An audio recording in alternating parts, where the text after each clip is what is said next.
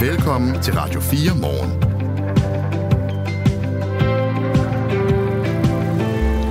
Klokken 12 i dag bliver Alexei Navalny begravet i Moskva under nogle meget omst- specielle omstændigheder. Navalny var den mest fremtrædende politiker og aktivist i den russiske opposition. Og øhm, derfor er det også en øh, særlig situation, at en begravelse af sådan en mand, altså Vladimir Putins stærkeste politiske modstander, skal afholdes i Moskva. Kvart over otte taler vi med Emil Rotbøl, der er Ruslands korrespondent for Berlingske, om øh, hvordan det kommer til at øh, foregå, øh, altså når øh, Navalny senere i dag skal øh, begraves i Moskva. Det er blevet forår. Det er det. Det skal vi også tale om lige om et øjeblik. Din værter her til morgen, det er Anne Philipsen og Michael Robach. Du lytter til Radio 4. Det er nemlig 1. marts, altså årets første officielle forårsdag, og det betyder, at naturen er ved at vågne efter en lang og våd vinter. Og det gælder især fuglene, der allerede nu er begyndt at tænke på det her med at finde sig en dejlig mage i foråret. Der er så at sige amoriner i luften. Godmorgen, Jes Ågaard.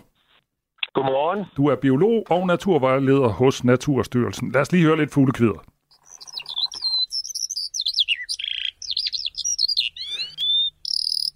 Jeg kan sådan med nød og næppe kende forskel på en stork og en solsort, men det her, det skulle så være lærken, en af Danmarks mest al- almindelige fugle. Hvad, hvad går den egentlig, jeg tænker på lige for tiden?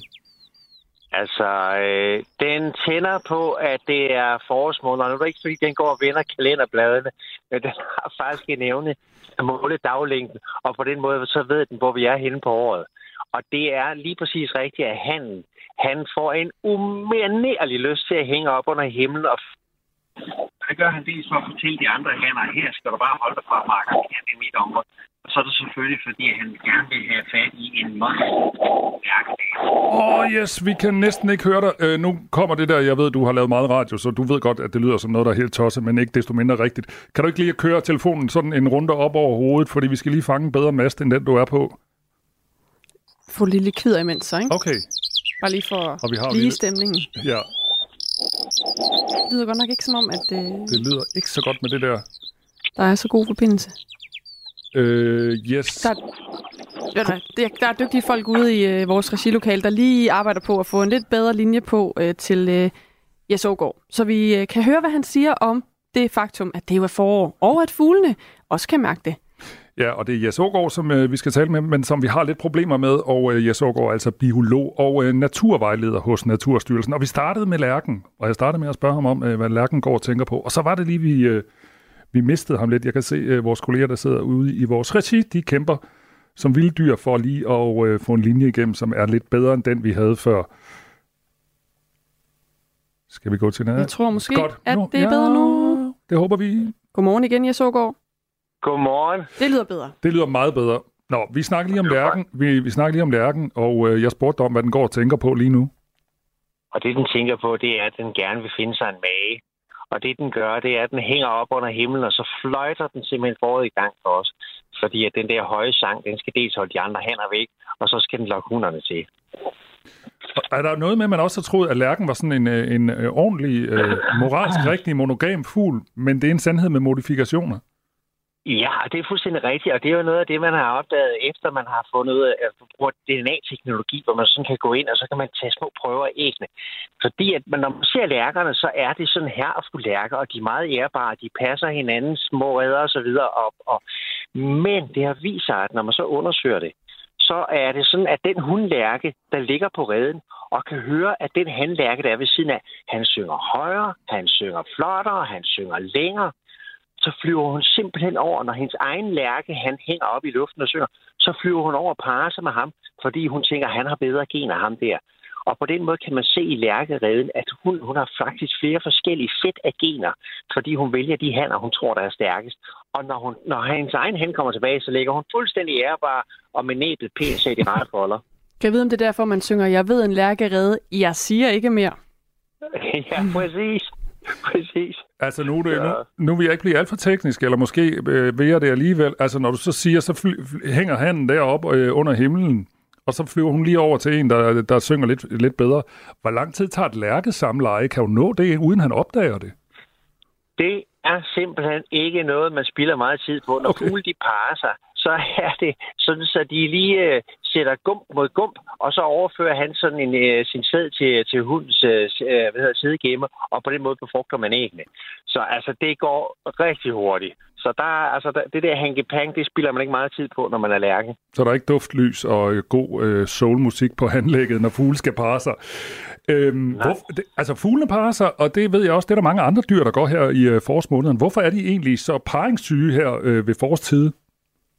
Det hele hænger jo sammen med, at naturen har sin rytme. Det vil sige, at lige om lidt, der springer træerne ud, føden vælter op af jorden. Det vil sige, at vi timer vores øh, formering til, at vi har de bedste ressourcer tilgængelige. Og det gælder jo stort set af alle organismer, om det nu er planter eller det er dyr.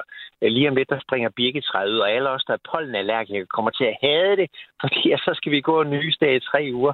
Men, men allerede nu, så er den jo, øh, så stiger safterne. Og hvis det er sådan, man vil have sådan en smag af foråret, så er det nu, man går ud og klipper sådan en kvist af en birketræ, mm. og så vil man kunne tappe sådan en birkesaft. Og det er sådan lidt sødmen, som lige giver en smag af foråret, og man får de der første mineraler. og så er det jo sådan, når birketræet det er hvidt, så er det fordi, den er bange for det falske forår. Og det falske forår, det er den der, I ved, hvor vi får lige fem varme soldage, og så tror vi, det hele er i gang, og så springer ud, og så kommer kong vinter igen lige og knalder noget hårdt frost på, og så dør man. Træerne, de er styret dels af lyslængden og dels af varmen.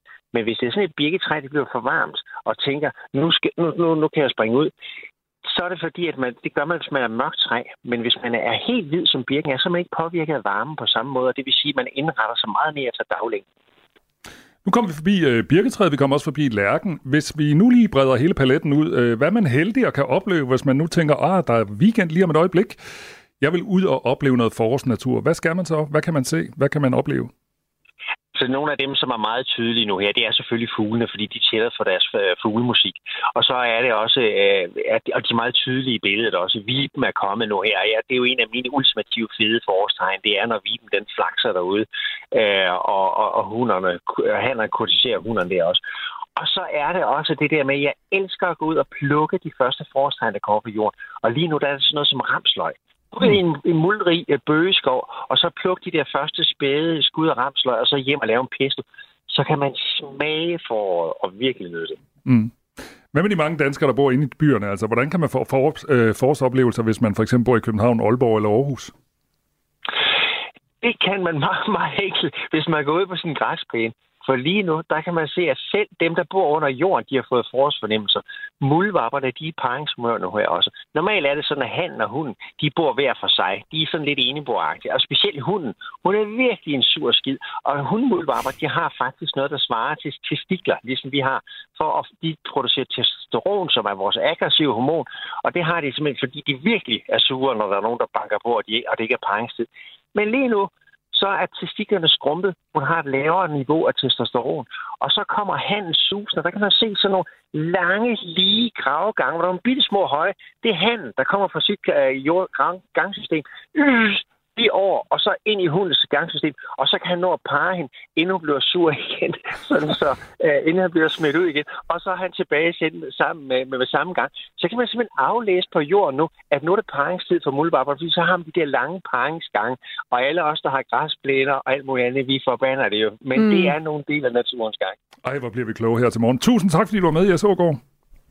Kan I have en rigtig god dag? Ja, have et godt forår. I lige måde. Og jeg så går altså biolog og naturvejleder hos Naturstyrelsen. Hvis ikke man var i forårshumør, så synes jeg, man blev det der. Det gjorde man 100 procent. Det er faktisk ikke kun øh, foråret, der bliver markeret i dag. Nej.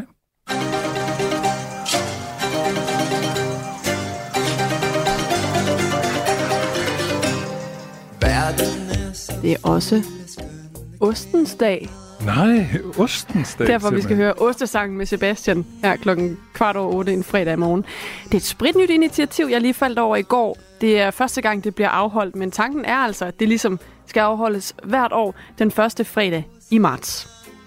Ifølge øh, Ostebørsen, som er en ostebutik, så er det osteentusiast og ostekommunikatør Camilla Bøjsen Møller, der står bag initiativet, hvor øh, danske og udenlandske mejerier, detailhandlen og mejeriforeningen bakker op om det her øh, initiativ, og øh, altså på den måde er med til at markere den første udgave, men hvor man så håber, at øh, det kommer altså til at vare ved det her, så vi skal rundt og smage på ost og så videre, øh, hver gang det bliver den første fredag i øh, marts. Okay, det er ostens dag. Så kan jeg da bare tilføje, at det er FN's internationale dag for, international dag for havgræs også. Nå, har du en sang på det? Øh, nej, ikke Nå, rigtigt. så må vi høre den her. Den, Nå, Undskyld, nej, vil du sige det med? Ja, jeg siger bare lige, at det er altså en mærkedag. Altså FN har virkelig mange mærkedage. Mm. Også nogle, der er en lille smule mærkelige. Men den her mærkedag den blev indført i 2022, og det handler om at øge bevidstheden om at fremme og lette tiltag til bevarelse af havgræs. Og havgræsser er blomstrende planter, der findes i lavt vand i mange dele af verden, fra troperne til polarcirklen, og de er altså truet. Så det er både ostens dag og havgræssets dag. Og jeg kunne ikke finde en god sang om havgræs, men Nej. jeg havde også godt set, at det var ostens dag. Så nu får du en anden ostesang. Okay. Ost er musens allerbedste mad. Vi spiser ost i stedet for at gå i bad. Ost er rinløst, tænk hvor er det sært. Dem kan man nemlig spise som en slags dessert. Se en ostemad, det er mussemad. Er det noget cirkeline? Ja, hvad ja, det? selvfølgelig. Ja, ja, ja. Okay, nå, nå. Ja, ja, men sådan en lille oste, ostesangsbattle her fra morgenstunden, det, øh, det er også meget godt. Klokken den er 16 minutter over 8. To piger, en på 8 og en på 10, de bliver øh, brutalt myrdet. I år 2000 blev hele Norge rystet af en brutal drabsag. Man er simpelthen ikke vant til at skulle øh, efterforske noget så grusomt som det her. Christiansands politi indleder en efterforskning, som den dag i dag skaber flere spørgsmål end svar. Var der en, eller var der flere, Krimiland udfolder sagen. er dem, man så ligesom anholder. De er rigtige. Lyt med i Radio 4's app, eller der, hvor du lytter til podcast. I dag kl. 12 bliver Alexei Navalny begravet i Moskva. Navalny var den mest fremtrædende politiker og aktivist i den russiske opposition. Han døde den 16. februar i en øh, straffekolon i det nordligste Rusland, hvor han havde øh, befundet sig i en måned. Han skulle afzone mindst 30 års fængsel. Ifølge de russiske myndigheder døde han af naturlige årsager, men Vladimir Putin bliver sådan bredt i Vesten beskyldt for at have været impli- impliceret i øh, Navalny's død. Godmorgen Emil Rotbøl, Godmorgen. Ruslands korrespondent for Berlingske. I dag skal han så begraves, Alexei Navalny. Øh, det må man sige er jo øh, en meget speciel situation, at en øh, så hård kritiker Putin skal begraves i Moskva. Hvordan kommer det til at foregå? Jamen altså, der er jo, der, de bliver jo ved med at lægge forhindringer for ham øh, her, selv efter hans død. Øh, det har været særdeles svært for familien i, ja, i første omgang at få, få udleveret hans lig, øh, og også så nu at få arrangeret den her begravelse. Øh, så det er sådan lidt et åbent spørgsmål, hvordan det præcis kommer til at gå for sig. Der er jo, altså, der er rigtig mange russere, som øh, har udvist interesse for at sige farvel til Alexander Navalny og, og ligesom vise ham den sidste ære, den sidste respekt. Øhm, og myndighederne har gjort alle mulige krumspring for, at det ikke kommer til at lade sig gøre. Øhm, så øh, ja, så, så der er lagt op til, øh, altså der er lagt, lagt op til øh, en mindehøjtidlighed, som måske bliver forhindret med, eller som helt sikkert bliver forhindret med alle mulige øh, midler. Som du er inde på, så har der jo op til i dag været en hel del udfordringer med planlægningen. Øh, der har også været øhm, udfordringer ved at finde en chauffør, der kunne køre rustvognen. Altså, hvorfor er det øh, så svært? Ja, det har været svært at finde øh, først en kirkegård og en kirke. Det har været svært at finde øh, ligesom en, øh, en hal, hvor de kunne lave sådan en mindeshøjtidlighed. Ikke? Øh, og så nu også med rustvognen senest. Øh, altså, jamen, og det er jo de her sådan nogle praktiske foranstaltninger, som øh, øh, myndighederne prøver at spænde ben for, simpelthen for at øh, øh forhindre, øh, forhindre det her i at blive sådan en kæmpe demonstration imod Putin, som det jo vil være. Altså uanset om de øh, råber slagord eller ej, så vil alle jo vide, at det her, det er alle de russere, som øh, støttede Navalny og som stadig er imod styret. Så derfor prøver de at forhindre der sådan en masse, øh, et masse optog, som man, øh, som man har set tidligere, da der var, ja faktisk i det er otte år siden, ni år siden nu, at der var en, en anden Putin-kritiker, som blev myrdet, og der var en kæmpe demonstration til ære for ham øh, i, i dagene efter. Og det vil man meget gerne undgå igen her nu. Men hvor stort vil det blive? Fordi øhm, der, det kan jo nogle gange være svært at fornemme, ud fra det vi hører, hvor stor oppositionen egentlig er til Vladimir Putin i den russiske befolkning. Så hvor, hvor mange mennesker, hvor stort vil det blive? Hvor omfattende kan det blive, den her markering af Navalny's død? Men jeg er ikke i tvivl om, at hvis der ikke var nogen... Øh, altså hvis der ikke var noget pres fra myndighederne, hvis der ikke var nogen chikane af, af folk, som gerne ville derhen, øh, så ville vi tale om øh, 10.000 af mennesker, øh, som vil gå i, i sørgeoptog her i, i Moskva, og det er bare i Moskva. Så vil der også være støttedemonstrationer i andre byer. Der er støtte, eller der var støtte til Navalny i, øh, i en lang række byer over hele Rusland. Men øh, det, vi, har, vi må simpelthen vente og se, hvor mange der kommer i dag, fordi at myndighederne har ja, dels lavet de her benspænd, dels har de jo gjort det meget klart øh, for for eksempel studerende, også når de bliver smidt ud af deres uddannelser, hvis de bliver øh, set til den her øh, øh, sørgemarsch, som, som de prøver at, at få på benene. Der, der er blevet installeret videokameraer langs hele den rute fra kirken til begravelsespladsen. De har opsat sådan nogle hegn så det, som øh, langs øh, fortorvene, som gør det svært at lave den her, øh, ja, hvad skal vi kalde det, det her optog, som, øh, som, som familien håber på. Så, så der er jo rigtig mange, der er blevet ligesom, troet øh, direkte eller indirekte øh, med, at, med at holde, eller til at holde sig væk. Så, så vi, altså jeg, jeg er ikke i tvivl om, der er mange, der vil forsøge at komme derhen, men der kan godt være andre benspænd, som vi endnu har til gode at, at se, som, som de vil forsøge at, at lave i løbet af dagen.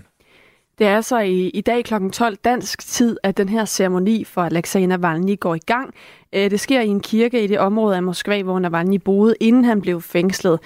Øh, Navalny's stab har ifølge nyhedsbyrået Reuters oplyst, at de planlægger at livestreame begivenhederne både fra kirken og kirkegården. Det er uklart, hvem der rent faktisk får lov til at komme ind i kirken, men øh, det ved, man ved, at det gælder øh, Navalny's enke, øh, Julia Navalnya, som øh, aktuelt befinder sig uden for Rusland, men som i hvert fald har anmodet om tilladelse til at deltage. Øh, den danske ambassadør i Rusland, Jakob Henningsen, har været ude at sige, at han deltager i begravelsen. Han siger til Ritzau, jeg forventer et stort sikkerhedsopbud, og jeg ved ikke, om vi får lov til at komme ind, eller om man fra myndighedernes side vil blokere vores og andres, rus, andre russeres deltagelse. Det, at øh, den danske ambassadør i Rusland gerne vil deltage ved det her, øh, den her mindehøjtidlighed, Emil Rotbyl, hvad siger det egentlig? Hvad er det for et signal, vi sender der? Jamen, det er jo et signal, som øh, ambassadørerne fra øh, flere lande altså jævnligt sender faktisk. Altså, der var, han var, Jakob Henningsen var også til stede den anden dag, da der var en, en menneskerettighedsaktivist, som fik en fængselsdom. Øh, og det er jo en måde, hvad skal man sige, det er en af de, de få måder, man ligesom kan vise, at man ikke, øh, øh at, man, at man ser, hvad der foregår, når Rusland den ene gang efter den anden øh, overtræder, øh, altså lærer, lærer bryder menneskerettighederne, eller øh, fængsler eller myrder deres egne oppositionsfolk. Øh, Øh, det er jo ikke fordi, at den, man kan, at den danske ambassadør kan gøre noget, men han kan i hvert fald vise deltagelse og, og, og på en eller anden måde vise det russiske styre, vi, vi ser, hvad der foregår. Nu øh, citerede jeg også Jakob Henningsen for, at øh, han forventer et stort sikkerhedsopbud. I det hele taget kan det være ret svært at forestille sig, øh, Emil Rotbøl, hvordan det kommer til at, at forløbe og at se ud. Øh, kan du prøve at tegne billeder af os, øh, for, for os, der aldrig har sat en fod i Moskva og, og set et russisk sikkerhedsopbud. Hvordan kommer scenen ligesom til at være i dag kl. 12 dansk tid, når det her det skal finde sted? Tror du? Øh, jamen altså, de har i hvert fald, altså der er i hvert fald det her, øh, de her meget konkrete fysiske forhindringer, der er sat op. Altså sådan nogle, øh, sådan nogle øh, hegn, ligesom man kender det fra øh, et, et øh, gadeløb, ikke? Altså, hvor der skal forhindre folk i at gå fra fortoget ud på, på gaden. Øh, og så er der de her overvågningskameraer. Og de overvågningskameraerne betyder jo noget på bagkant, kan man sige, fordi dem, der, de har et ganske udviklet øh, ansigtsgenkendelsessystem i Moskva, som de bruger til at øh, identificere folk og, og efterfølgende øh, give dem øh, fængselsstraf eller bøder for, for at have deltaget i sådan noget her, for eksempel. Øh, og derudover så kan det jo være, at der er kampklædt politi, øh, altså i sådan noget, øh, øh, ja, sådan noget hvad, kan vi, kan vi, hvad kan vi kalde det, sådan noget uroudstyr, ikke? Altså hvor de er klar til med skjolde og mm. knæbeskytter og det hele, og hjelme til at, at, at, at tage kampen op, hvis demonstranterne skulle prøve på, på et eller andet, eller, eller simpelthen til at, at tvinge folk øh, væk fra et område, hvis det er det, de vil. Øh, jeg, jeg, vi, må, vi må se, hvilken taktik de præcis vælger, fordi det kan også være, at de øh, prøver at, at, altså at stoppe folk fra overhovedet at komme hen til kirken, altså ved at spærre metrostationerne af, eller altså ligesom ikke lave den her meget synlige øh, undertrykkelse af, af begravelsen, fordi det skaber jo nogle dårlige billeder. Men hvis man ligesom kan holde, holde folk væk på forhånd, øh, så ser det også ud som om, at der ikke vil være kommet så mange til den begravelse alligevel.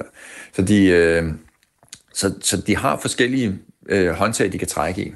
Du er jo inde på noget her, der også handler om øh, den signalværdi, der er øh, i, at man på den ene side måske øh, kan have en interesse i, at det skal se ud som om, at, at øh, man accepterer modstander på den anden side, overhovedet ikke er interesseret i, at øh, de her stemmer får opmærksomhed.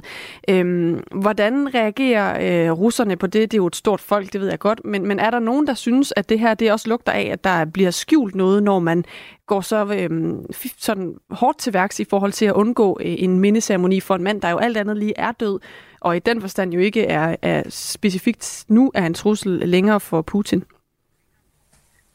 Jamen, der er jo ikke nogen, der er i Rusland længere, der er i tvivl om, hvad det er, der foregår. Altså, det er ikke engang, altså, det er jo ikke engang så diskret øh, længere. Øhm, alle ved jo godt, at han, at han er blevet dræbt af, af, af regimet på den ene eller den anden vis. Øh, alle ved godt, at de gør, hvad de kan for at spænde ben for, at det her skulle blive sådan en, en stor øh, mindehåndtid øh, for ham. Øhm, men men alligevel så, øh, så, så, så køber de ligesom ind på den der propaganda, og de, og de dukker hovedet, og de forsøger og øh, øh, altså de forsøger at, at fortsætte deres liv, som de kan. Altså de, de som så støtter øh, stærkest op om Navalny, de vil jo de vil forsøge på en eller anden måde at vise deres utilfredshed. Men det handler for russerne om at vise deres utilfredshed på en måde, som, så de ikke risikerer fængsel eller risikerer bødestraffe. Og det gør man for næsten hvad som helst i øjeblikket. Øhm, og det er også derfor, at, at, at myndighederne har så travlt med at sige, at det ikke bare er ufarligt at komme til sådan en begravelse. Man skulle tro, at det ville være ufarligt at lægge blomster til, øh, til minde om Navalny eller noget af den stil. Men det har vi jo set allerede nu i, i, den, i de seneste uger, at det har også øh, kunnet få folk i fængsel. Altså bare det at lægge en blomst øh, til ære for sådan politiske fanger. Øh, så, så grænsen for, hvad man kan tillade sig, øh, eller hvordan man kan tillade sig at udvise sin, sin egen utilfredshed, den bliver rykket hele tiden. Altså der bliver færre og færre lovlige muligheder for det. Øhm, og, og det er også derfor, de er... Altså, det er jo nogle, hvad skal man sige, styret har stadig en interesse i at, øh, at vise, at, der, at, at de er kun få og, øh, og spredte de her støtter til, til Navalny, selvom sandheden er den modsatte. Tak skal du have, Emil og Rotbøl. Selv tak. Berlingskes Ruslands korrespondent. Navalny var jo et øh, uddannet øh, advokat og blev øh, 47 år, og for uden sin hustru efterlader han sig en datter og en søn. Det her er Radio 4 morgen. Fik du skruet op? Jeg fik skruet op Ja, for øh, din computer. Det er godt, du lige kunne viske. Ja, skru op. Skru op. Yes. Uh. Yes. Ej, var det godt. Det er jo temaet fra huset på Det er Christianshavn. det. Ej, Og nu kom, altså, du synes, det er øh, et godt tema, kan jeg se på ja, dig? og det er også en øh, god øh, serie. Ja, ja, præcis. Nu kommer der nemlig en nyhed, der glæder dig, for jeg ved, at du elsker gammelt fjernsyn. Ja. Fredag den 5. marts kl. 6 om morgenen, der blænder DR op for et helt nyt område på det, der hedder DRTV, som udvides med masser af indhold fra mere end 70 år, hvor øh, DR har lavet public service tv. Ui. Og det er en arkivtjeneste, der kommer til at hedde Gensyn. Det Ja. skriver DR selvfølgelig selv. Og samme aften, altså den 15. marts, præcis om 14 dage, fra kl. 20 til 21, der markeres premieren på DR med første afsnit af den restaurerede udgave af 70'er-serien Huset på Christianshavn. Christianshavn.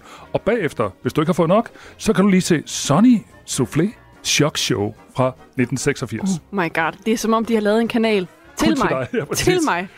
Oh, Og så bliver det altså sådan, at det her gensyn, som det kommer til at hedde, øh, det får 15 udvalgte temaer. Nu får du lige nogle af de temaer, øh, som de kommer til at have i i gensyn. ja. Der er et tema med overskriften Serierne, der samlede os.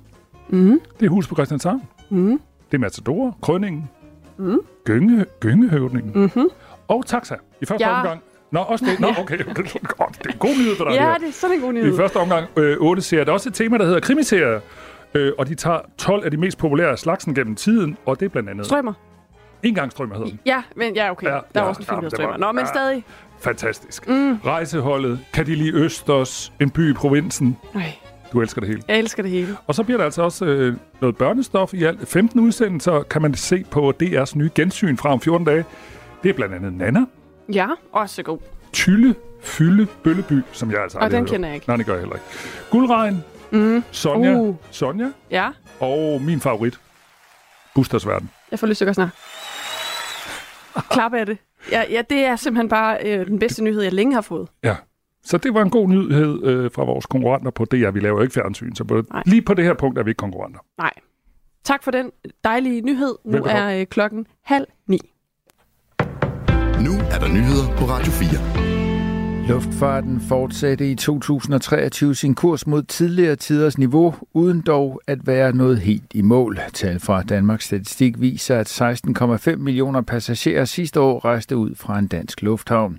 Det er en fremgang på 18 procent sammenlignet med 2022, men er samtidig 9 procent lavere end i rekordåret 2019, hvor coronapandemien endnu ikke påvirkede flytrafikken. Lufthavnen i provinsen er noget tættere på at nå deres tidligere topniveau end Københavns Lufthavn, hvor antallet af afgående passagerer fortsat er 12 procent lavere end i 2019. Alexei Navalny's stab opfordrer alle, der har kunne se en mening med den afdøde oppositionspolitikers arbejde til at dukke op til hans begravelse i dag i Moskva. Samtidig ventes russisk politi at være markant til stede. Flere frygter, at støtterne slet ikke vil blive tilladt adgang. Det skriver nyhedsbrud DPA. I dag kl. 14 lokal tid, kl. 12 dansk tid, går ceremonien i gang. Det sker i en kirke i det område af Moskva, hvor Navalny boede, inden han blev fængslet. To timer senere skal han begraves på Borisovski Kirkegården Navalny's stab har ifølge nyhedsbureauet Reuters oplyst, at de planlægger at livestreame begivenhederne både fra kirken og fra kirkegården. Det flugter dog langt fra med de russiske myndigheders ønsker. Det har blandt andet lyttet, at Navalny's mor af myndighederne blev stillet et ultimatum vedrørende begravelsen. Angiveligt skulle han enten begraves i stilhed eller i den straffekoloni, hvor han døde, har hans stab fortalt. Ultimatummet blev dog afvist af hans mor. Den 69-årige Ludmila ventes at deltage, men derudover er det uklart, hvem der faktisk får lov til at komme ind i kirken. Det gælder blandt andet Navalny's enke Julia Navalnaya, som aktuelt befinder sig uden for Rusland, men som har anmodet om tilladelse til at deltage. Navalnaya har blandt andet markeret sig ved at sige, at hun vil videreføre sin mands politiske kamp efter hans død. Hun har også meldt, at hun mener, Navalny blev udsat for tortur på præsident Vladimir Putins ordre. Over en milliard mennesker på tværs af jorden betragtes som svært overvægtige, det vurderer Verdens Sundhedsorganisation WHO og en række internationale forskere i et nyt studie.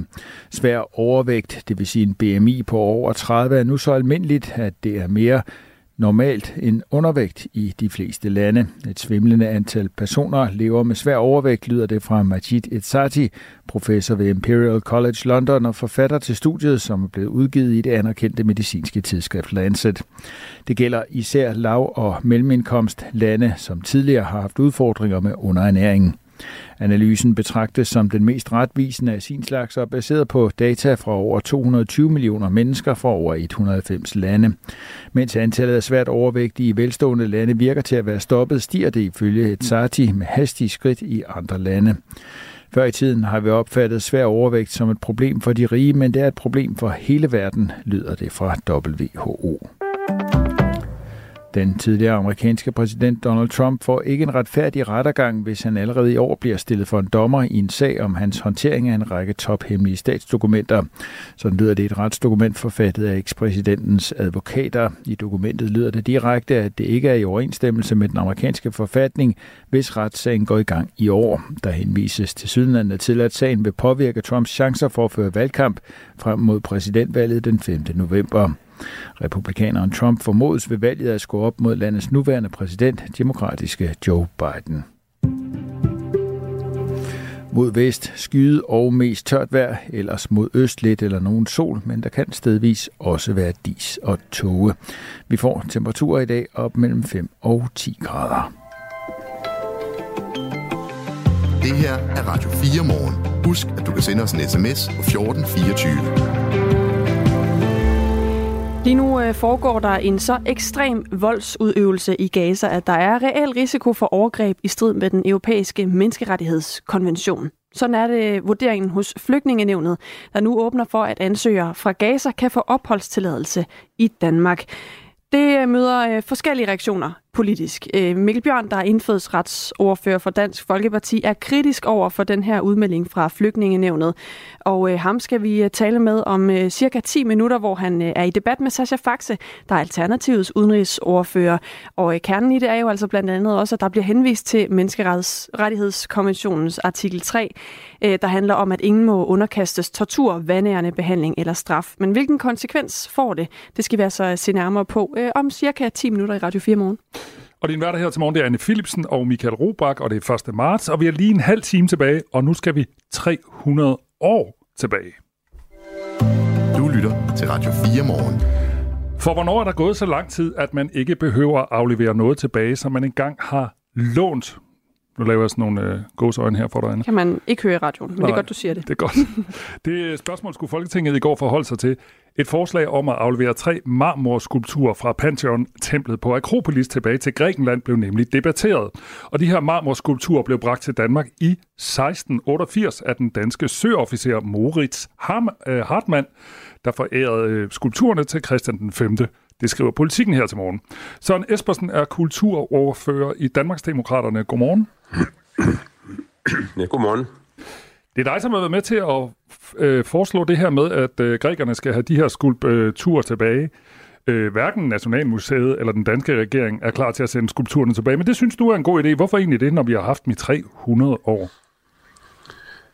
Jeg synes, det er en god idé, fordi grækerne beder om det. Og jeg synes jeg principielt, at øh, kulturgenstande af den her art skal være der, hvor de kommer fra. Der er alle mulige forklaringer på øh, før i tiden, for 300 år siden, øh, at der skete en masse ting der, som var helt fuldstændig anderledes end det, der er i dag. Altså, da vores øh, søløjtnant, han fandt de her øh, ting dernede, der var det en situation, hvor Grækenland var en del af det øh, tyrkiske imperium, og man var ikke man var fuldstændig ligeglad med, hvad der var op og ned på, på, på gammel kultur. Så det er en helt anden verden, øh, man har i, end den, man har nu, hvor Grækenland er et øh, værdsat øh, medlem af EU og, og NATO, og i høj grad jo kan passe på de her ting selv. Nu handler det her så om nogle marmorskulpturer øh, fra det gamle Grækenland, og nu har jeg ikke fuldstændig overblik over, hvad der står på Nationalmuseet for eksempel, eller på andre danske museer, men synes du egentlig, at vi skal levere alt tilbage, som vi har på en eller anden måde lånt i anførselstegn, eller bragt til Danmark øh, for 100, 200, 300 år siden? Ja, hvis det pågældende land øh, mener det, øh, så synes jeg bestemt, at man, man skal indlede forhandlinger om det. Det er meget vigtigt for grækerne, at øh, deres kultur også bliver noget, som er, er det, hører det moderne Grækenland til.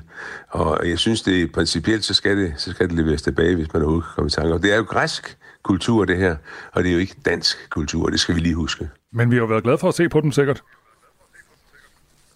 Jo, jo, men øh, altså, Hermann Göring var sikkert, uden sammenligning i øvrigt, han var nok også øh, ret uinteresseret i, hvad folk sagde, da han tog rundt i, i de besatte lande og, og huggede alting. Mm. Altså, øh, det, det, var, det var nogle andre tider, og, og, og selvfølgelig også i moderne tid, der foregår det her. Men jeg synes også, fordi FN's UNESCO jo har anbefalet, at landene begynder at, at give ting tilbage, som man har fået. Øh, og, og det er jo væsentligt. Det har Danmark selv ratificeret, det gjorde vi i 2003 øh, altså sagde ja til, at vi skulle, vi skulle være positive over for at levere ting tilbage til oprindelseslandet. Hvad synes du så om, at vi ikke sådan lige er klar til det, for eksempel hverken Nationalmuseet eller Kulturministeren? Hvilke ord vil du bruge om det? Nå, jamen, altså, vi var nogen, der pressede på i, i, i forhold til at få øh, jyske lov tilbage fra Sverige, som har ligget der siden 1600-tallet, ligesom de her friser. Øh, og den, den kom jo så til retur. Og så lige pludselig synes alle, at det var en rigtig god idé, men det kan jeg forsikre dig for, det gjorde det ikke i starten, da jeg rejste det for, ja, for snart mange år siden. Og nu er Jyske Lov, øh, Jyske Lov øh, tilbage, hvor den hører, hører hjemme, nemlig i Danmark. Mm. Kulturminister Jakob Engel Schmidt, han forholdt sig også til den her debat i går, hvor han blandt andet sagde, hvis man fulgte herr Søren Espersens tanke til ende, så skulle vi kun have flinte, stens økser og pilespidser tilbage på Nationalmuseet. Citat slut. Og det er jo selvfølgelig en kommentar til, at meget af det, vi har, det er jo ikke noget, vi sådan selv har fundet i Danmark eller omegn. Hvad er din kommentar til det udsagn? Jamen, jamen, det er ikke så smart sagt, fordi dansk kultur er enorm Øh, hvis man tager rundt på vores museer, Nationalmuseet, det er ikke kun pilespidser. Øh, det er nærmest sådan, synes jeg, at gøre lidt nar af dansk kultur, som vi har masser af. Men i øvrigt har vi jo bunker af danske kulturskatte liggende i Stockholm og, i, og rundt omkring i Sverige. Øh, svenskerne huggede jo med næb og klør, da de havde da hele Danmark besat i, i 1658-59. Og, og får vi det tilbage, jamen det er jo det er tusindvis af ting. Det er enormt store bogsamlinger, det er malerier, det er skulpturer, det er alverdens ting. Selv øh, Neptun øh, springvandet foran øh, Frederiksborg Slot i Hillerød, den der står der nu, det er en kopi for ikke, den ægte vare af den, det springvand, det, det ligger i, øh, i, øh, i, i Stockholm. Så hvis vi begynder at få det tilbage, som vi har øh, fået øh, hugget fra os, så bliver det nogle fly, rigtig flotte store øh, samlinger, vi kan få også på de danske museer. Men altså lige for at understrege, dansk kultur, det er mere en, en pilespids, og jeg synes, det var sådan lidt øh, smart sagt, må jeg sige, af kulturministeren. Så det her det handler også om for dig i hvert fald, at øh, hvis vi vil øh, kræve noget, så skal vi også øh, være villige til at give noget, hvis nogle andre beder os øh, om nogle af deres øh, kulturskatte. Ja. Lige præcis. Mm.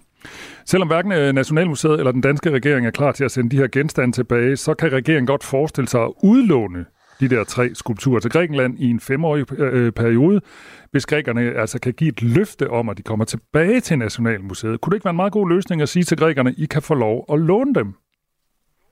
Jo, og det må sige, det, det glæder mig også meget, at vi har en, en god øh, låneaftale rundt omkring i Europa, og, og det er også sådan, at hvis vi ønsker at få øh, et eller andet øh, dansk kulturgenstand, i, der ligger i Sverige til, til Danmark, så kan vi sagtens låne den i en, i, en, i en overrække, hvis vi har lyst til det, og det er i hvert fald det positive ved det.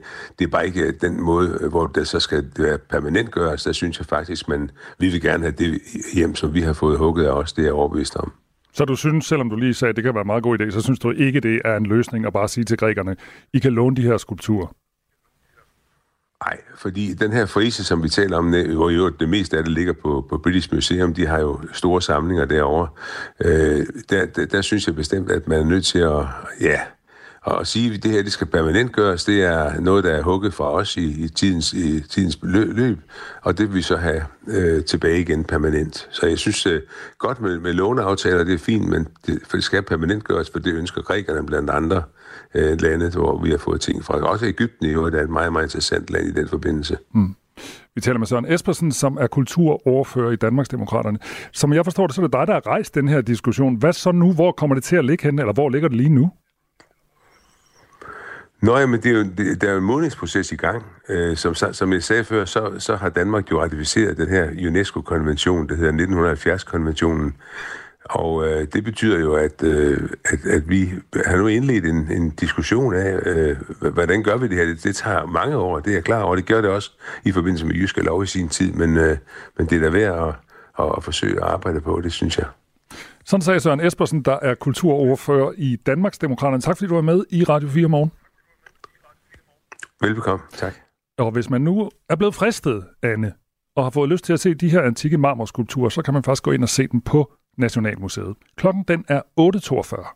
Sara Mafud, hjertelig velkommen til Portrætalbum. I Portrætalbum bruger Anders Bøtter musikken til at vise nye sider af sine gæster. Jeg havde bare sådan tænkt med, at se, det var bare fedt. Vi troede, vi var rigtig seje og rigtig bad. Det må godt være lidt farligt. Det må godt være lidt vildt. Så er det lidt sjovere, det der adrenalin. Altså, det er jo sikkert også det, der gør, at jeg godt kan lide boksning der gik jeg der rundt med sådan en bandana bundet om hovedet og baggy. Ej, okay. Jeg har været med på alle de der trends, der var dengang. Lyt til Portrætalbum i dag kl. 16.05 Lige nu foregår der en så ekstrem voldsudøvelse i Gaza, at der er reel risiko for overgreb i strid med den europæiske menneskerettighedskonvention. Og det får nu flygtningenevnet til at åbne for, at ansøgere fra Gaza kan få opholdstilladelse i Danmark. Det er øh, Menneskerettighedskonventionens artikel 3, som slår fast, at ingen må underkastes tortur, vandærende behandling eller straf. Og øh, beslutningen betyder altså, at øh, statsløse palæstinensere fra Gaza, der har været under beskyttelse eller bistand fra FN's organisation for palæstinensiske flygtninge i Mellemøsten, som udgangspunkt vil kunne få opholdstilladelse. Godmorgen Mikkel Bjørn. Godmorgen. Indfødsretsordfører for Dansk Folkeparti. Og kritisk over for den her udmelding fra flygtningenevnet. Hvorfor? Det er fordi, øh, jeg er nervøs for, hvad øh, det, at den gruppe, som vi har øh, sammen med somalier størst problemer med i forhold til kriminalitet, i forhold til kulturel tilpasningsevne i forhold til forsørgelse, øh, at den ender med at få ret til permanent opholdstilladelse i Danmark. Det er jo sådan med, med statsløse palæstinenser, at har du først taget imod dem, så er, er det næsten givet, at vi aldrig nogensinde slipper af med dem igen på grund af blandt andet statsløsekonventionen, som giver statsløse palæstinenser øh, ret til statsborgerskab i, i Danmark. Og jeg synes, det er øh, bekymrende, særligt set i lyset af, at vi tilbage i 92 øh, gav øh, en række statsløse palæstinenser øh, ret til ophold i Danmark. Mennesker, som, som siden øh, viste sig at være øh, voldsomt kriminelle, altså 42 procent af dem, vi gav øh, ophold øh, tilbage i 92, de er siden dømt for kriminalitet efter straffeloven. Øh, 74 øh, procent af dem er, er siden øh, ind på overførselsindkomst, og, og 56 procent af, af børnene de er noteret for lovovertrædelser. Altså det, det er der, hvor jeg er bekymret for, at hvis de mennesker får ret til permanent evigt ophold i Danmark, at så kommer vi til at se ind i en, i en, i en fremtid, som også er præget af, af kriminalitet og, og store offentlige udgifter forbundet med de grupper. Jeg går ud fra, at du også øh, eller du her henviser til tal, der kom frem for omkring fire år siden, hvor øh, det var den øh, fungerende udlænding- og integrationsminister Kort Dybvad Bæk, der kom med en opgørelse, der kiggede ja. på lige præcis øh, de her statsløse palæstinenser fra Libanon, der fik opholdstilladelse i 92. Ja. Og nogle af de tal, du nævner her, er nogle af dem, bare for at lytterne også ved, hvor de kommer fra ja. i forhold til kriminalitetsstatistikken. Lad os invitere en stemme mere ind i, i den her debat, nemlig dig, Sasha Faxi. Godmorgen. Godmorgen. Udenrigsordfører for Alternativet. En stribe argumenter her fra Øh, Mikkel Bjørn, øh, der er skeptisk over for, at øh, flygtningenevnet altså nu åbner for, at ansøgere fra Gaza kan få opholdstilladelse i Danmark. Hvad tænker du om det? Jamen det er noget, vi siden den 7. oktober har arbejdet på i Alternativet for at prøve at finde ud af, hvordan kan vi sikre de her menneskers ophold. Det er jo sådan, at efter øh, Hamas' angreb og Israels modansvar i oktober, så gik der fire dage, så lukkede man for behandling af de palæstinensiske ansøgninger. Og det er jo et rimelig uvist tomrum at stå i, samtidig med, at vi har en, en situation, hvor at et område jo bliver bombet af Israel. Så derfor så hilser vi det velkommen. Vi har stillet en masse spørgsmål, og vi har arbejdet på at få det her åbnet. Så det glæder os meget, at det bliver på konventionsforhold, øh, sådan som der er lagt op til. Det er jo ret få mennesker, det drejer sig om, for øh, der er jo heller ikke nogen udsigt til, at det umiddelbart bliver flere, fordi man kan ikke komme ud af Gaza. Men det er vigtigt, at de her mennesker, som forvejen er i en utryg situation, har fået en retssikkerhed. Men Mikkel Bjørn øh, fortæller her, han er bekymret for, hvad det er for nogle mennesker, der kommer til landet, og også perspektivet i det, altså om det så er nogen, der bliver her øh, for altid, øh, fordi reglerne er, som de er, når det kommer til statsløse. Er det ikke en bekymring, du øh, kan dele? Altså, det er ikke nogen, der kommer til landet. Det handler om folk, der allerede er her. Det tror jeg er rigtig vigtigt at slå fast. Nogle af dem sidder i udrejsecenter. Det håber vi selvfølgelig også, de bliver inkluderet i det her. Jamen, altså, det, er jo den der med at tage fat i statistikkerne og kigge på, hvem gør hvad, der er flere dele i det. For det første handler det her om nogle tal fra en anden gruppe øh, af indvandrere. For det andet, så, hvad hedder det, så er Nej. det vigtigt okay. at, at kigge på, at der også er nogle sociale implikationer, når man er statsløs. At, altså, så, så det at bare kigge på etnicitet, det er en meget enøjet måde at gå på det på. Så vi, vi gør egentlig det, at vi et tager os af de folk, som allerede er her, og to, vi lever op til vores internationale forpligtelser. Og lad os lige tage fat i det, Mikkel Bjørn, fordi uh, ifølge mm. flygtningenevnet, så udgør de her uh, begivenheder, der er i Gaza i øjeblikket, og de angreb, der er, en reel risiko for overgreb, der er i strid med den uh, europæiske menneskerettighedskonventions artikel 3, og det er altså det, der gør, at der ifølge udlændingeloven er grundlag for at give opholdstilladelse. Mener du, at vi skal handle i strid med menneskerettighedskonventionen ved ikke at åbne for ansøgerne fra Gaza? Det, der optager mig, det er danskernes tryghed, sikkerhed og velstand i deres eget land. Og der må jeg bare konstatere, at tager vi, det er jo ikke en anden gruppe, som Sasha siger, det er jo den samme gruppe. Altså, det er statsløse palæstinenser, og de erfaringer, vi har med den gruppe, er bare mildest talt utrolig dårlige. Og derfor så er jeg optaget af, at vi ikke ender med at tage imod mennesker, som på sigt ender med at gøre Danmark til et relativt øh, mere kriminalitetspræget land, mere utrygt land, øh, mindre velstående land. Og når vi kan se, Øh, 13 år efter vi lavede palæstinenserloven i 92, at, at, at de mennesker, de øh, bonger utrolig uheldigt ud i statistikkerne, jamen så synes jeg mildest talt, hvis man er optaget af danskernes tryghed, sikkerhed og velstand i deres eget land, at så, at, så burde man tage den erfaring i, med i, i sin vurdering af, hvorvidt det er fornuftigt at tage imod de her mennesker.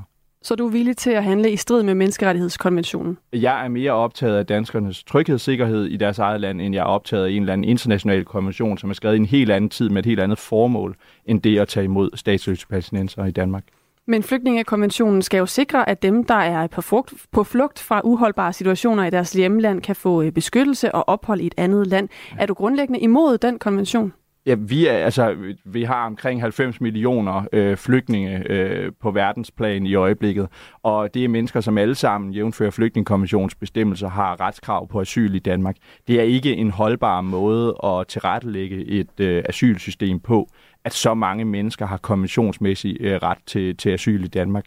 Det er det ikke. Øh, og det er ikke en måde... Altså hvis vi skulle øh, konsekvent leve op til, til flygtningekonventionsbestemmelser, jamen så vil vi ikke kunne garantere, at Danmark også i fremtiden vil være et sikkert, øh, trygt og velstående land. Og det er det, der optager mig som medlem af Folketinget for Dansk Folkeparti.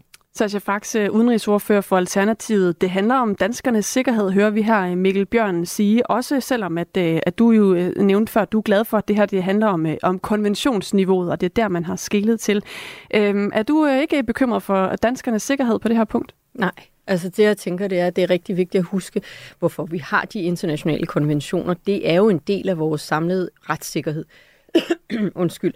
Og, det, og der er menneskerettighederne jo til for os alle. Der er ikke forskel på, hvem det handler om. Øh, jeg lægger mærke til, at, at, at øh, Mikkel han, han øh, åbner, altså han, han i hvert fald ikke siger, at han direkte er imod menneskerettighedskonventionen, og det, øh, det tager jo så som en åbning. Jeg, nu griner han derovre, men, men jeg, jeg har det sådan, jeg vil jo altid gerne se på den positive side i det, fordi det jeg tænker, man kunne også gå den anden vej rundt og sige, hvis nu at DF har, altså, og det har de åbenlyst, et problem med det her, så skulle man måske ikke have været helt så glade for den måde, Israel agerer på i, i Gaza lige nu, fordi at det har ført til den situation, vi står i. Men der er en måde, man måske kan gøre det på en anden måde, hvis man så er Dansk Folkeparti, fordi at vi har øh, i Alternativet sammen med et par andre partier stillet beslutningsforslag om at anerkende Palæstina som stat. Og set ud fra det, det er jo en del af menneskerettighedskonventionen, det er, at man alle har ret til en stat. Så det kunne jo være, at Dansk Folkeparti måske blev øh, dem, der bakkede op om det her B-forslag, netop for at sikre, at de her mennesker ikke står i en retsløs tilstand. Det skal du selvfølgelig have lov til at svare på, Mikkel Bjørn. Prøv at vi kan ikke give en terrorbevægelse ret øh, til sit eget land, og det, øh, den bevægelse, der i øjeblikket styrer øh, området i Gaza, det er en bestialsk terrorbevægelse, som den 7. oktober gik ind i Israel og øh, masse henrettede familier, voldtog øh, kvinder i et væk, øh, pakkede familier ind i stoltråd og satte ild til dem levende. Skal vi give de mennesker deres egen stat? Nej, det skal vi ikke. Det er da den sikre måde og, og garantere øh, både større usikkerhed for, for israelerne, øh, men også for, for danskere og europæisk sikkerhed i det hele taget. Så nej, altså det, det er en meget virkelighedsfjern øh, idé øh, i forhold til, hvordan vi skulle skabe, øh, skabe øh, ro omkring øh, Palæstina. Tværtimod så kommer det til at skabe meget mere usikkerhed og uro øh, i området. Vi taler altså med øh, Mikkel Bjørn, hvis stemme du hører det her, der er indfødsretsordfører for Dansk Folkeparti, og Sascha Faxe, der er udenrigsordfører for Alternativet. Og det gør vi, fordi Flygtningenævnet nu åbner for, at ansøgere fra Gaza kan få opholdstilladelse i Danmark, øh, fordi at der foregår øh, ting i Gaza i øjeblikket, der gør, at det er reelt i risiko for at være i strid med den europæiske menneskerettighedskonvention, er altså øh, begrundelsen her. Mikkel Bjørn, øh, du er ikke særlig begejstret for den her øh, måde, øh, det bliver fremstillet på, og det, at det altså bliver en mulighed nu. Øh, jeg sætter lige lidt fakta på, fordi mm. øh, flygtningenevnets beslutning betyder, at statsløse palæstinenser fra Gaza som udgangspunkt vil skulle øh, meddeles opholdstilladelse. Mm. Det gælder dem, der har været under beskyttelse eller bistand fra det FN-organ, øh, der hedder UNRWA, som er FN's organisation for palæstinensiske flygtninge i Mellemøsten. Og øh, som udgangspunkt, der vil de her ansøgere få opholdstilladelse med henblik på midlertidigt ophold. Har Danmark ikke en pligt til at tilbyde ansøgerne her opholdstilladelse, når nu det er en del af lovgivningen?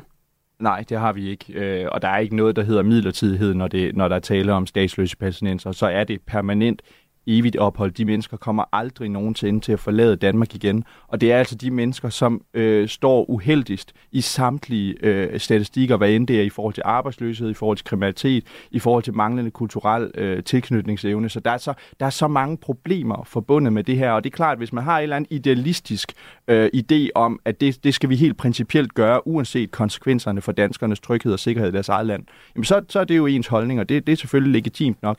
Der er det, det der optager mig, øh, som medlem af Folketinget, det er, og det er også det, jeg synes, der er min opgave som, som folkets repræsentant, som folkevalgt, det er selvfølgelig at sikre, at Danmark er et sikkert, velstående og trygt land også i fremtiden. Og det kan jeg ikke garantere øh, er, er, lige så høj, øh, hvad skal man sige, lige så højt øh, gældende parameter, hvis vi tager imod mennesker, som erfaringsmæssigt øh, er så dårligt, øh, har så dårlig en tilpasningsevne øh, i forhold til den danske kultur. Lige nu der er der ifølge flygtningenevnet fire sager vedrørende ansøgere fra Gaza, og i alle fire sager er der blevet øh, givet opholdstilladelse. Øh, Sasha Faxe var også inde på det før, Mikkel Bjørn. Det er jo ret få øh, mennesker, det her det drejer sig om. Øh, hvorfor er det så så problematisk? Altså, du taler jo om, øh, om det som om, at det kan ødelægge hele det danske samfund, men hvis vi ser på antallet af mennesker, vi taler om her, øh, så er det jo ikke ret mange. Hvordan ved du det? Altså, hvis vi giver øh, per definition statsløse palæstinenser øh, ret til ophold i Danmark, så kan vi jo ikke øh, garantere øh, antallet. Altså antallet, det, kan jo, det er jo principielt alle mennesker i Gaza, hvis de søgt øh, asyl i Danmark. Så ved jeg godt, at der er nogle praktiske omstændigheder, der gør, at nogle af dem nok øh, ikke vil søge mod Danmark, men vi kan ikke sige noget definitivt omkring antallet, og det er det, der gør mig usikker.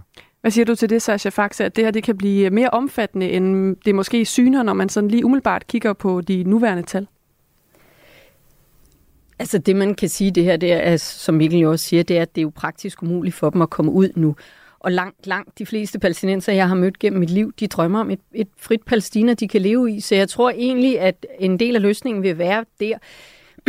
en af udfordringerne med det er jo, at vi har et Israel, som øh, åbenlyst, hvor mange ledere går ud og siger, jamen deres mål er, at der ikke skal være palæstinenser tilbage i Gaza, og deres forhåbning er, at resten af verden tager sig af dem. Så derfor så mener jeg faktisk, at det vil være vigtigere, at vi får sikret en palæstinensisk stat, for at sikre, at vi ikke bliver oversvømmet, sådan som, altså det er jo stadigvæk ikke særlig mange mennesker, der bor i Gaza, men at, at de simpelthen, altså de kommer jo ikke til Danmark alle sammen. Jeg mener simpelthen, det er en ubegrundet frygt, men der ligger jo også bag ved det et menneskesyn, som jeg ikke deler, fordi at det handler jo også om at sige, jamen når vi står i Danmark og har nogle udfordringer med folk, så skal vi jo huske at kigge på, jamen hvor kommer de udfordringer fra?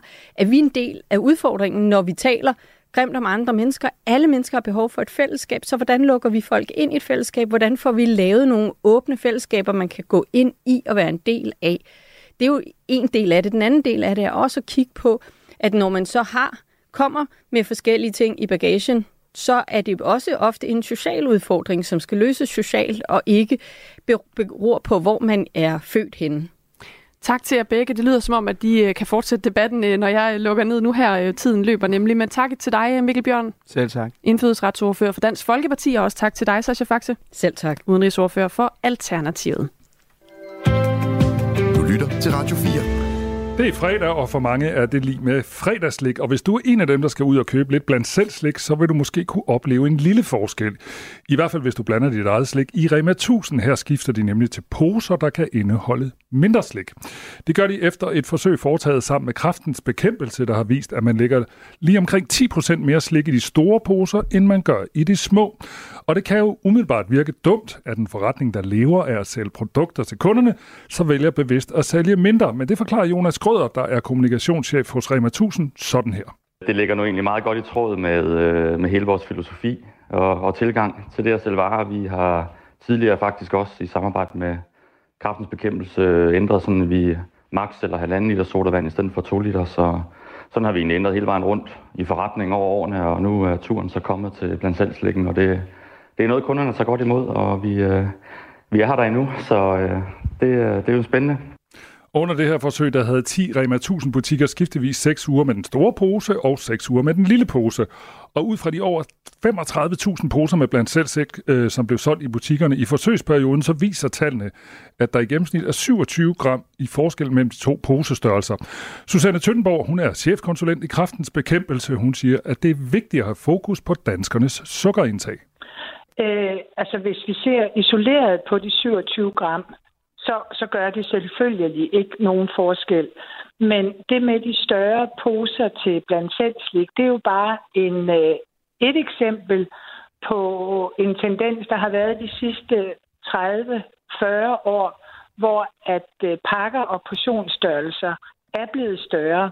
Og det gælder især de usunde ting som kager, slikposer, chips, øh, sodavand. Det er jo det, der til sammen gør, at vi tager det der halve, hele eller to kilo på om året, og så efter en årrække, der har man måske oparbejdet overvægt eller svær overvægt, som jo er værre end det, jeg vil sige, almindelig overvægt. Sådan sagde Susanne Tøttenborg fra Kræftens Bekæmpelse. Lige om lidt, så er vi færdige her i studiet, men efter nyhederne, så står vores politiske magasin Det Blå Hjørne klar til at tage over med dig, Morten Reimer, som vært. Godmorgen. Godmorgen. I skal tale den danske folkeskole i dag. Noget vi jo faktisk også har haft her på morgenen, hvor ja. vi talte om et uh, brev sendt i, af skolebestyrelsen af Odense Kommune. Uh, hvad er det konkret, I kommer til at dykke ned i i dag? Vi kommer til at snakke med Liberal Alliance, Dansk Folkeparti og Moderaterne. Og Liberal Alliance og Moderaterne de vil gerne frisætte skolen. De vil gerne have mindre politisk indblanding. Men er det ikke ret svært, når der kommer sådan nogle historier, som dem, I har talt om her? Det synes i hvert fald Dansk Folkeparti. De har 10 bud til, hvordan den fremtidige folkeskole den skal se ud. Og det er altså noget af det, der er i vente, hvis man bliver hængende her på kanalen på den anden side af et nyhedsoverblik, som kommer lige om lidt. Altså Moderaterne, Liberal Alliance og Dansk Folkeparti repræsenteret i det blå hjørne, der sender 905 lige om lidt. Det er den 1. marts. Korrekt. Det er forår. Korrekt. Det er fredag. Også korrekt. Er det ikke meget skønt? Det er bare dejligt. Ja. Er det ikke bare uh, der, vi uh, slutter den her uges uh, Radio 4 Morgen? Det synes jeg. Tak for, uh, til jer, der lyttede med, og tak til hele holdet uh, bag Radio 4 Morgen. Nu er klokken 9. Du har lyttet til en podcast fra Radio 4. Find flere episoder i vores app, eller der, hvor du lytter til podcast.